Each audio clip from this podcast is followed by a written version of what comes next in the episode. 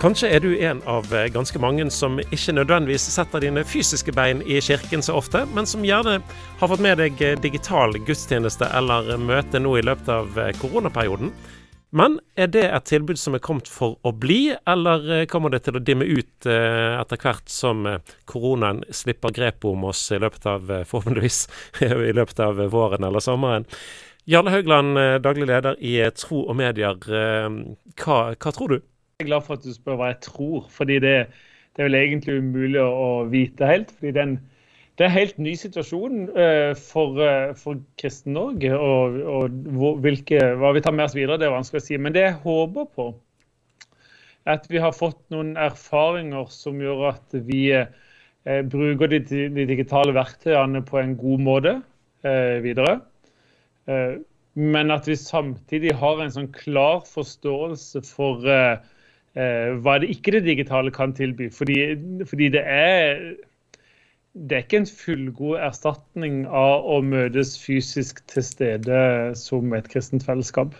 Men likevel så har jeg jo, eh, når jeg har sett eh, litt ting du har skrevet litt her og der, så har jeg jo et inntrykk av at du er absolutt en forkjemper for at menigheter skal være til stede med digitale tilbud? Ja, eh, og, det er liksom interessant å se hvis noen skulle sett inn i mitt hode hva som har skjedd i løpet av dette året. For, for, for ja, når eh, verden eh, og Norge lukka ned i mars i fjor, så, så tenkte jeg det er veldig bra at kirka snur seg raskt rundt. Og det mener jeg fortsatt, at vi må bruke de digitale verktøyene. Men, men etter hvert så skjønte jeg vel kanskje mer og mer at jo, vi skal bruke det til det de kan brukes til, og så må vi òg tilby noe mer enn noe annet. Og, eh, som i enda større grad må du møte menneskers behov for fellesskap, for menneskelig kontakt og osv. Så, videre. så Så eh, jo, jeg håper at de digitale verktøyene brukes, og ikke minst brukes som et redskap til å nå de som ellers ikke trykker ned kirke- og bedehusterskler. Ja, for det var eh, mitt neste spørsmål her. Hvem er et sånt digitalt tilbud det viktigste for, tenker du? Altså, per i dag så er det jo viktig for alle, for det er ikke noe alternativ eh, å møtes nesten. Altså, det, det, er kanskje i, nei, det er ikke møtes i mindre grupper engang. Det er jo total nedstenging på et sosialt område. Eh, så da er det jo viktig for alle. Det, det, er viktig for oss som Guds folk å ha kontakt med andre kristne. Ha noen å be sammen med, ha noen å eh, dele livet sammen med og, og lese Bibelen med. Det tror jeg er styrke. Og så er det noen som vil tenke at ja, men nå kan jeg gjøre det med ektefellen i en periode, og det kan man kanskje si. Men uh, i det lange løp så vil jeg tenke at de digitale håper jeg kan brukes til å nå ut forbi, nå mennesker i randsonen av kristen tro. Og at ikke kristne kjenner sånn at dette var liksom behagelig å sitte hjemme og få med seg en gudstjeneste vi bare holder oss hjemme og så tar vi den digitalt denne gangen. Det håper jeg ikke vi, eh, vi oppnår, for da, da, vi, da, har vi beveget oss vekk inn nesten jeg tror jeg vil si, kalle en, en liksom gnostisk prega tilnærming av gudslivet. Fordi, fordi gudslivet skal møte hele mennesket, ikke bare en slags uh, åndelig sfære, men, men, hele mennesket med ånd, sjel og kropp. Og da trenger vi å komme sammen òg fysisk. Ta del i nattverden fysisk, få be for hverandre i samme rom og tilbe sammen i samme rom. Men du er ikke redd Jarle, for at det du sier nå kan oppleves som, eh, som klasseskille på, på, de som kaller seg kristne? De som går aktivt, og de som blir, bruker det digitalt? Jo, eh, sånn sett kan du si det var upresist å si at de kristne. Men, men eh, samtidig så håper jeg også at kristne, si at kristne som bruker det digitalt, av ulike grunner kan, kan eh, bruke det som en vei inn i det fysiske kristne fellesskapet. Og Da snakker vi ikke om et, om et klasseskille eller mer eller mindre kristen, men om hva som er godt for oss mennesker, og vi er skapt til, og vi er skapt til å tilhøre hverandre. Og Da tror jeg det, det er viktig å og da tenker jeg at det digitale ikke skal være en endestasjon, men at det digitale kan være et supplement. Det kan være en hjelp, f.eks. mennesker med sosial angst mennesker med sykdomssituasjonen, enten i eget liv eller i familien, som gjør at man ikke kommer ifra.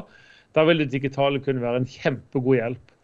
Eh, men at vi tenker at det er et supplement til, til det å møtes fysisk til stede i menigheten. Jeg er med å lage en podkast etter Pastoren og journalisten, der vi har fokus på alle de som har vært en del av en menighet, men som slutter. Eh, dette digitale tilbudet som nå kommer, kan bli veldig viktig eh, for, for, den, eh, for de som, som, opplever at menigheten er en vanskelig plass å være, men budskapet som menigheten har, er viktig, og, og det trenger en. Hvem vil kjempe på en måte for, for den digitale kirka, for, for den gruppa? Hvem som vil kjempe for det, det vil jo sikkert være ulike. Men det som er nok Det, det, det er et eller annet med, med, premissene i dette som jeg tenker at vi eh, eh Denne underliggende det, det at vi lager en, en digitalt, et digitalt alternativ til, til mennesker som Og jeg skjønner godt at mennesker kan kjempe med det å tilhøre et kristent fellesskap. Eh, men jeg håper ikke vi slår oss til ro med at digital, et digitalt alternativ kan være de, for, for da får de med seg budskapet, men ikke menneskene. For jeg tror at det kristne livet er, og det kristne budskapet er, er, er et budskap med kropp. Eh, det, det, er et budskap om å tilhøre hverandre som et menneskelig fellesskap. Og vi kan, og det er da vi er inne på litt sånn, skal vi kalle det er kanskje litt Kanskje noen opplever det provoserende å kalle det gnostisk. men hvis du løsriver budskapet fra det kristne fellesskapet og det tilhører hverandre, med alle våre feil eh, og mangler, eh, så er jeg redd for at vi tilbyr en, en liksom grunn versjon av det kristne fellesskapet og, og det kristne livet. Uh, og så er det en, en, mellomfase så vil det kunne være en styrke, og en mellomfase så vil det kunne være en hjelp. å kunne si at ja, men jeg, jeg får med meg Guds ord her, og så strever jeg med de kristne. Og så håper jeg at det er noen som opplever at det finnes kristne fellesskap som virkelig er verdt å være en del av. Helbredende fellesskap som virkelig er verdt å, være i og hvile i og vokse i. Eh, det er kanskje litt sånn farlig å sammenligne det, men jeg sa det i starten av sendinga.